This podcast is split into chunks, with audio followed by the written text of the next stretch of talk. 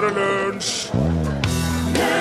Etter at uh, ungarske Erno Rubik fant opp Rubiks kuben i 1974, så satte han seg ned for å prøve å løse den, og det tok han en måned. Lucas Etter fra USA har den stående verdensrekorden på å løse kuben. Den er på 4,9 sekunder. Oslo S, det brenner under beina mine. Lunsj, NRK P1. Torfinn Borchhus. Rune Nilsson. Fredag. Hadde du Rubiks kube da du vokste opp, Torfinn Borchhus? Nei, det hadde jeg ikke. Men det onkel sant? og beste, bestefar min hadde. Mm. Det hadde han. Prøver du å bare ødelegge hele dagen min? Bestefar din hadde det, ja. Men du hadde ikke. Nei. Nei, jeg var Nei. Jeg har ikke hatt så mye med den å gjøre, altså. Jeg hadde jo det. Så da var det vel meg og bestefaren din, da. Eh, Å ja, slik, ja. Jeg beklager Altså. Jeg beklager.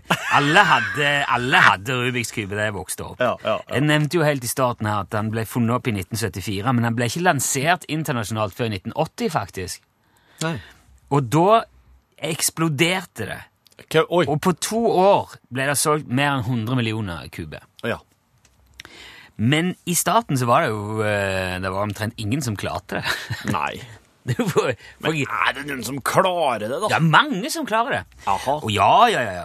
Eh, men altså, hvis jeg skulle få min til å gå opp, så måtte jeg ta den ifra hverandre. Ja. Måtte inn med et skrujern, og så vippe ut alle, og så kunne man eh, trykke de inn igjen. Mm. Og da kan du jo vri sånne kombinasjoner, få fram forskjellige mønster. Ja.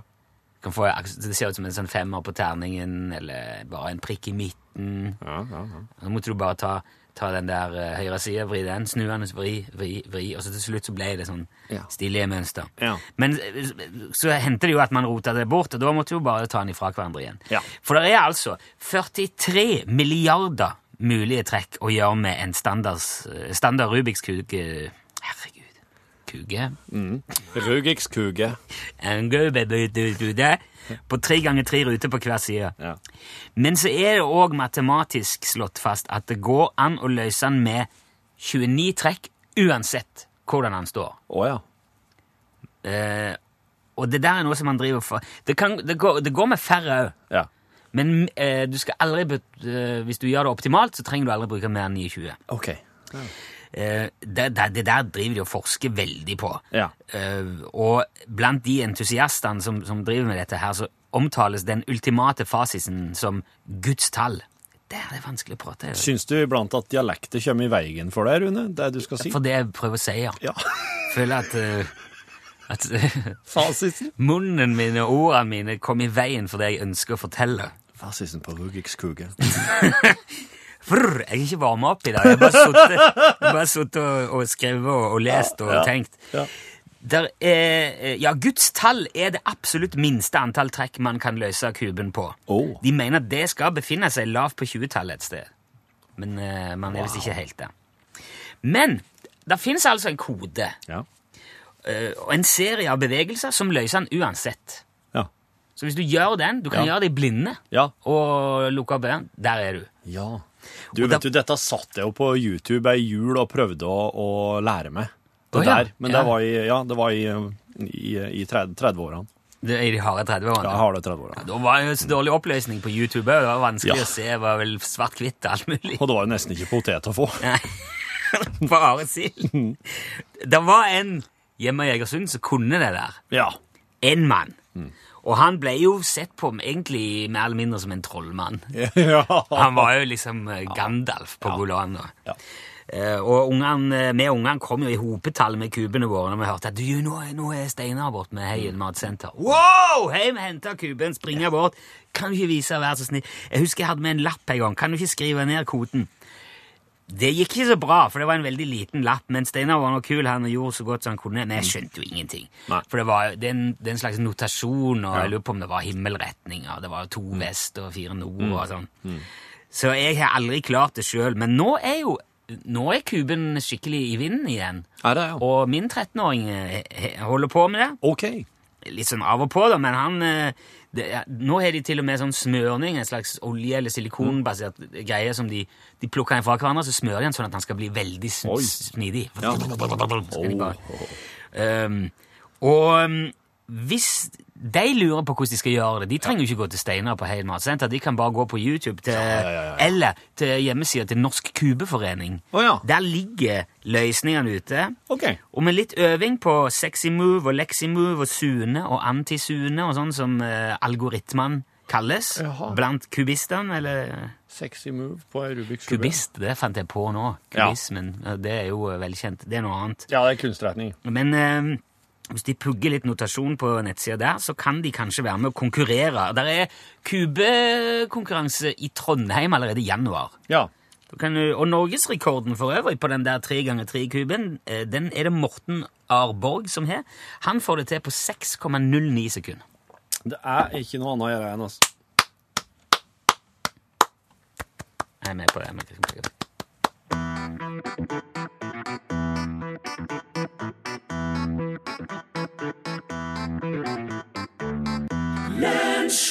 Firestone! Kygo og Konrad, du. Jep, jep. Gode, gamle gjengen var det som uh, spilte og sang. Det er fredag, og hva er vel uh, fredagen uten et gameshow? det er ingenting! Ingen verdens ting! er svaret. Uh, ja, Gameshow! Nope, det blir gameshow. Skal jeg hadde du, vanligvis pleier jeg liksom prøve å rappe eller si noe om hva det er som kommer, men Ja, eh, ja. jeg ble litt satt ut nå. Ja. Det er fint, det. Det trenger oss nå. Og skal nemlig i dag, held deg fast, framføre en deler av en norsk film på engelsk. British! Yes, British. Very much indeed so, old chap. Og så blir jo fort lei ting her i redaksjonen. vi prøver å se om vi kan finne på noe annet. Lei. Ja. Så nå er det ikke den klassiske norske kjente melodien. Nå har vi en kjent sekvens fra en kjent norsk film, oversett til engelsk, og framføre den på et slags, pomp, slags pompøst britisk eh, Ja. dialekt. Ok, så bare spiss ørene nå aller først og fremst, og så skal vi Du har, du har, to, du har to stemmer, Rune. Ja, det Jeg har ei. Ja. Så nå har du, du har kontroll, sant? Ja, jeg tror det. Perfekt. Du som hører på, se om du klarer å skjønne hva slags film det her er henta ifra. Du får info om uh, deltakelse etterpå. Ja. Ok. oh, oh, well, string me up and stuff me in a hencoof. Hey, Theodore, just take a look at this supercar. Where? My goodness gracious, just look at this Rudolph Gore, Slimy, my boy. Hmm. So that's it, is it? That's why Mr. Gore Slimy was in such a hurry to go to town? Mm-hmm. Yes, there's some skullduggery going on here, son. That's that means more trouble is brewing, I'll wager. No, no, no, Lambert. Og der feier man bare ut.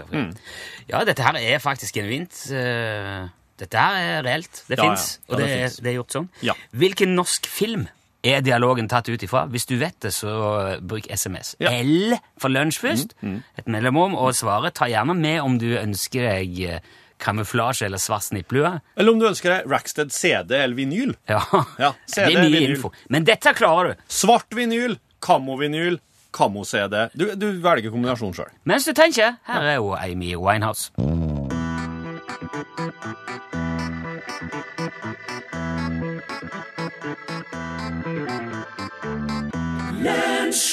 Admiral P fikk du. Du gjør så godt du kan. Du må jo prøve det alle i hop, egentlig. Ja, det er en god regel. En kompis som skulle ta toget fra Otta til Trondheim i natt klokka tre. Din, en kompis av deg? Ja. Oh, ja. ja. Så skulle treffes i dag. Og så fikk jeg SMS fra han klokka to på åtte i dag tidlig, der det sto På Otta stasjon møtes to tog klokka tre. Og da er det viktig å huske på hva til retningen skal. Og vedlagt var det et bilde av tigeren utafor Østbanehallen i Oslo. Nei, han, går på fe han bytta tog og gikk på feil. Han gikk på feil tog i det klokka tre i natt på Otta stasjon og havna i Oslo i stedet for i Trondheim. Så nå, er han i, nå havner han i Trondheim litt seinere i dag, da, for å si det slik. Og da, eh, måtte han kjøpe seg nye billetter. Ja, ja, måtte. Men det er flere som har gjort eh, rare ting i, i halvsøvne og i søvne. Oh, ja. For eksempel Keith Richards. Han skrev Satisfaction i søvne, han. Keith Richards var så glad i gitaren sin at han ofte la seg med gitaren. Og så, eh, når han våkna om morgenen, så sjekka han opptakeren da, for å se om det hadde skjedd noen ting. Så der, inni, inni blant all snorkinga, så hører han ah, Satisfaction-riffet. Og han hører snorking attåt. Så han har laga I Can't Get No Satisfaction i søvne. Det er imponerende. Ja. Det ble en stor eh, hit òg, det. Ja. Og så har du han fyren som kun er kjent som William, som våkner hver eneste dag og tror at han skal rotfylle. Han husker alt i livet sitt opp til klokka eh, 20 på to eh, den 14. mars 2005. Det er nemlig det øyeblikket han blir gitt bedøvelse før han skal ta ei lita rutinerotfylling. Og siden det skjebnesvangre øyeblikket der, så kan han briten som er i 40-årene, eh, kun huske 90, de siste 90 minuttene. Han husker alt, Nei, er det sant?! han husker alt før eh, den, rotfyll, eller den bedøvelsen. Han husker livet sitt før det, men etter det så klarer han bare å huske de siste 90 minuttene, og han våkner hver dag og tror at han er i ferd med å rotfylle. Å, kjære vene, Ja. det må jo være mulig å gjøre noe med det. Han kan jo ikke se film engang! Han klarer seg i det daglige liv med Han, han bruker sånn elektronisk dagbok eh, og, og, og, og noen lapper da, for å på en måte orientere seg i, Du i dag. snakker om Det er jo Groundhog Day. Han Ja. våkner jo på nytt hver dag. Ja, det er Og så tannlegen Ja. av alle ting! Ja, ja, ja. Og så har du han bagasjelamperen Willa, Willa Jr. som sovna på jobb. Han våkner inne i bagasjerommet på et fly idet det lette fra flyplassen i Seattle. Oi. Han, eh, Ja, det er vel ikke så bra. han var overarbeida, han var helt utmatta. Han sovna mens han drev og hadde inn i bagasje. Vakte når det rumla og dunka, Og, ikke sant?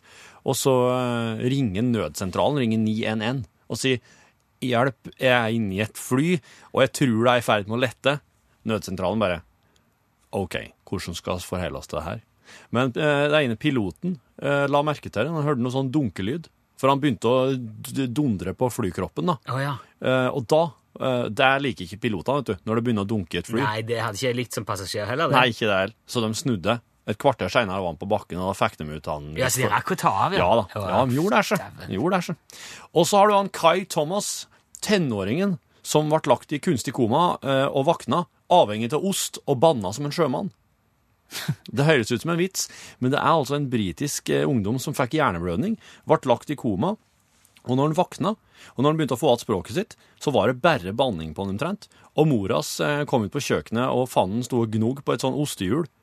Og nå er det, det er så ille nå at han, han putter ost i frokostblandinga si til og med. Det er jo godt med ost, da. Ja, det er veldig godt med ost. Det er mye, absolutt. Mye, god ost. Og til slutt, folk som uh, har gjort uh, har opplevd uh, eller gjort rare ting i søvne. Du har han fyren fra Alabama som skulle inn på sjukehus for en liten rutineomskjæring. Vakna ut av penis. Ai! Vakna ut av penis. Åh.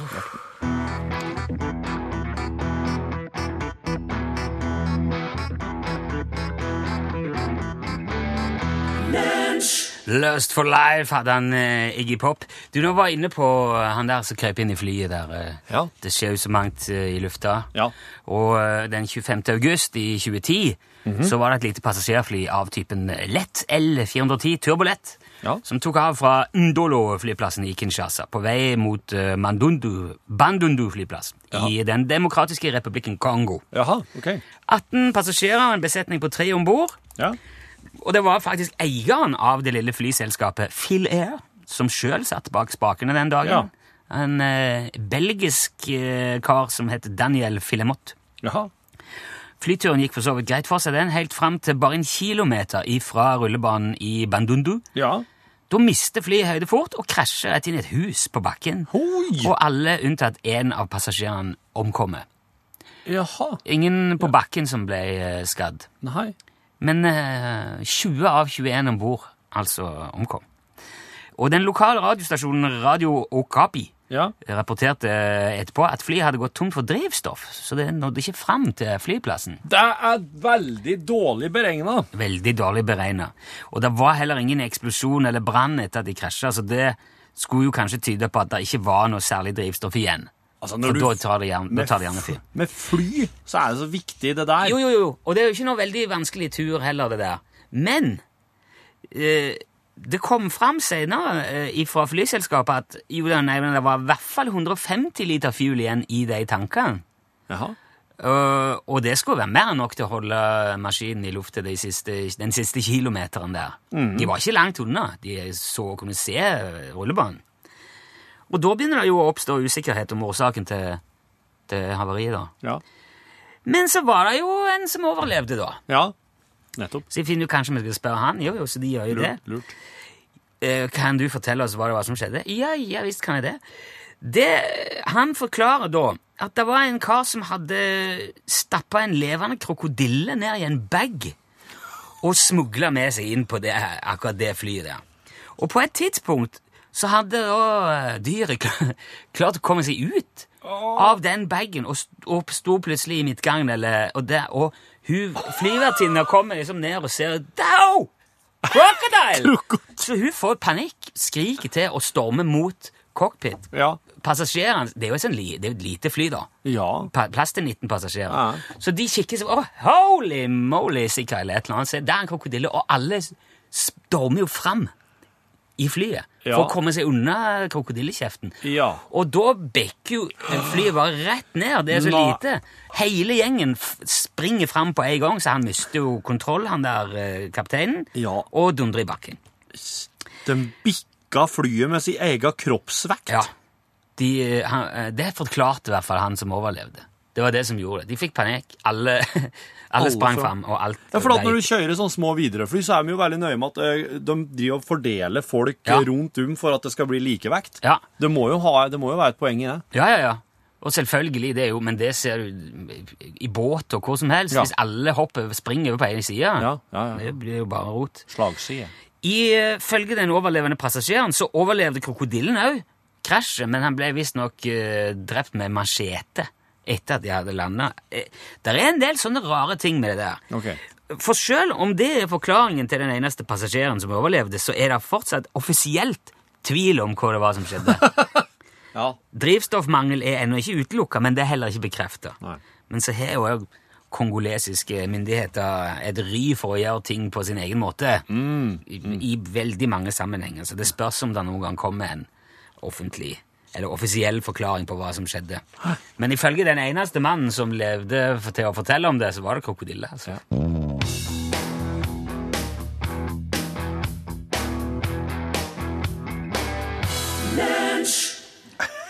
Ja da. Det hørtes ikke ut som de var helt klar for å slutte ned alle, men eh, de ble med meg. Ja, men det, jeg tror jeg tipper Janis Joplin bare ga veldig klart beskjed med kroppsspråket sitt. Det var nei, nå gidder jeg ikke mer. Hun gikk ut. Ja. Oi, slutt å spille, tenkte jeg. Ja, ja, ja, ja. Min Bobby McGee. Du, og så hadde en, eh, eh, arrangerte en liten konkurranse tidligere i sendinga. Jeg vet jo det. Jeg satt, jeg var jo med Det på det. Med. Du hadde jo to Jeg stemmer. Jeg deltok jo, ja. Hvem var det du hadde stemmene til? Det var Solan og Ludvig. Ja, jeg hadde Reodor. Det var Flåklypa Grand Prix. Og eh, det var ikke jeg som hadde oversett eller noen ting. Det er, den, eh, det er Pinchcliff Grand Prix. Det er den engelske versjonen av Flåklypa. Som jeg bare tok og raska ut fra manuset. Ja, Vi ble jo sittende og se på litt av det der. eh, Det ligger noe av det på YouTube. Ja. Det, det, det, det sto seg så bra Ja, på sånn ordentlig britisk engelsk. ja er, de har gjort det britisk-engelsk, ja. Ja, det var veldig, veldig artig. Ja, På et tidspunkt inni her så trodde jeg faktisk jeg hørte han eh, Ian McKellen, men eh, det Nei, jeg veit ikke. om- Gandalf. Ja, jeg vet ikke om det er noe Jeg vet ikke om det er kjente briter som har dubba det, men eh, det var veldig bra gjort, iallfall. Han er jo oversatt til jeg tror det er mellom 7000 og 8000 forskjellige språk, den filmen. Ja, stemmer. Og den eneste som ikke er oversett, som er med originalt i alle filmene, Det er Harald Heide Steen. det er Emanuel Desperat. Ja, han er med i alle. Ja. Så Harald Heide Steen har de, har de hørt i Japan og Ja. Så gøy! Så gøy. Og det var ikke mindre gøy at det var Per Sandrød fra Støren og Trond Berge fra Frekkhaug som vant CD-er og snipphuver! Det var en fanfare Yes. Gratulerer til dere. Med fanfare og premie. Ja. Det kommer jo selvsagt i posten. ja. Tusen takk til alle som var med og deltok. Det er så gøy når man kan ha liksom, konkurranse sammen på en fredag. Ja, ikke sant? Ja, du um, Ina Wroldsen har ei låt. eh, Hva er den heter igjen? Mary Story. Ja, har du? Ja visst. Ja, sett den på. Ok.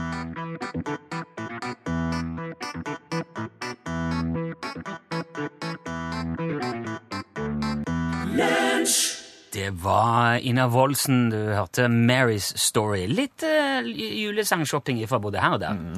Eh, det er ikke norgesklasse i dag, det er ski. Ja, det er det.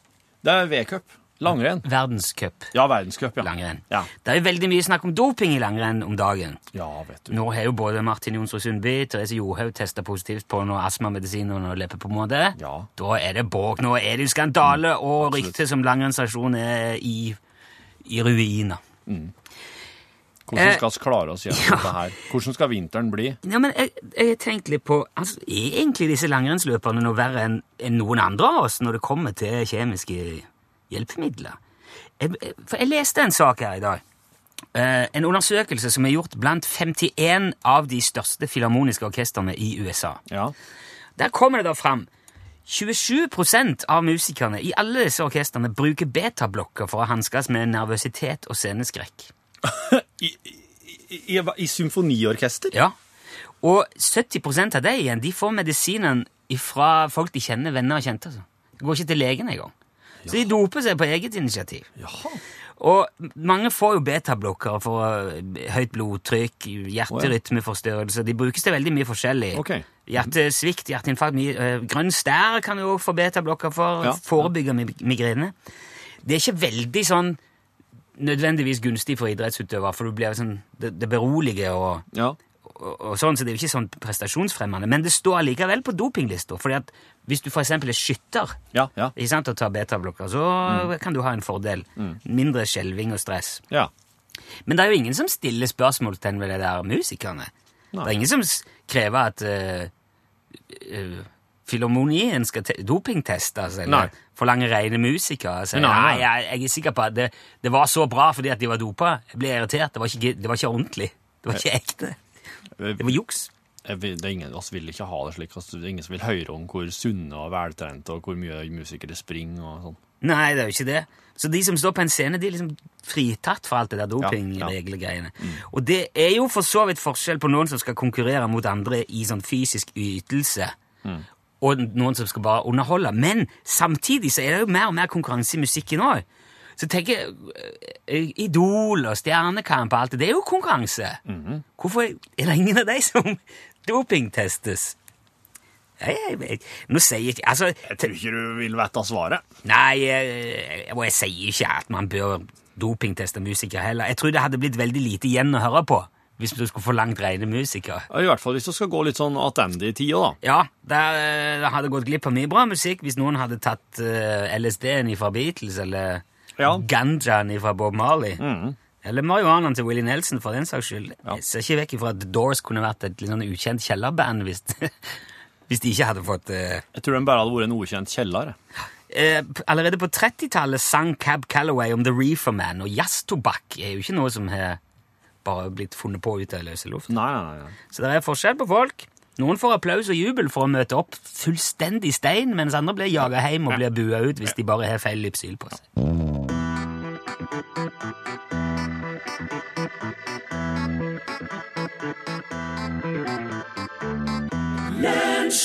Van Morrison, 'Every Time I See a River'. Og der må vi nesten si takk til han, fordi at her er det Ja! Eh, Og så Nei, Freitag, mein Freund! Og der er han! Nå! Nå, nå. Nå! Ja.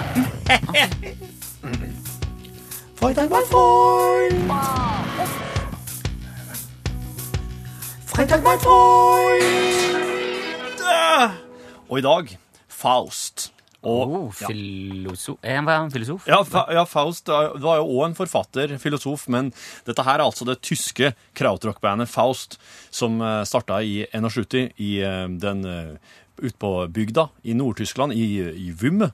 Vimme! Ja. Og eh, det her er altså en gjeng som eh, var en av de første som ble signa på Richard Branson sin Virgin Records. Oh. Branson var, han var veldig på eh, den, eh, den her eksperimentelle og eh, avantgardistiske greia, altså. Ja, han hadde jo til og med Sex Pistols en liten stund. Hadde han det? Der ser du. Og eh, det, altså Faust-bandet, de er, det er et eh, slags Det er et veldig eksperimentelt band som har spilt inn veldig mye snodige ting, og albumene deres består i stor grad av bare sånn klipp og lim-greier. Sett i hop, smelt i hop. Jeg er litt skeptisk nå. Ja, eh, det skjønner jeg godt. De, de, de, og skal høre ei låt fra Faust 4, som, eh, som da er det fjerde albumet deres. Oh. Eh, eh, eh, Faust 5, de fikk ikke gitt ut Faust 5, de fikk, eh, og da, da splitta de opp. Så årene mellom eh, 1975 og 1990 er det ingen som veit hvor bandmedlemmene var hen. Det hele er bare innhylla i en slags mystikk. De har gjenforentes i seinere år og har, spilt og turnert i det siste. Og her er altså da, fra Faust 4, så har oss kanskje den, den mest kjente låta deres nå, 'Jennifer'. Med det så sier vi jo takk for nå. Eh, Ja. Etter oss kommer Dagsnytt, og så er det jo altså da verdenscup. Ja. Klassisk sprint kvinner og menn på Lillehammer. God helg. God helg.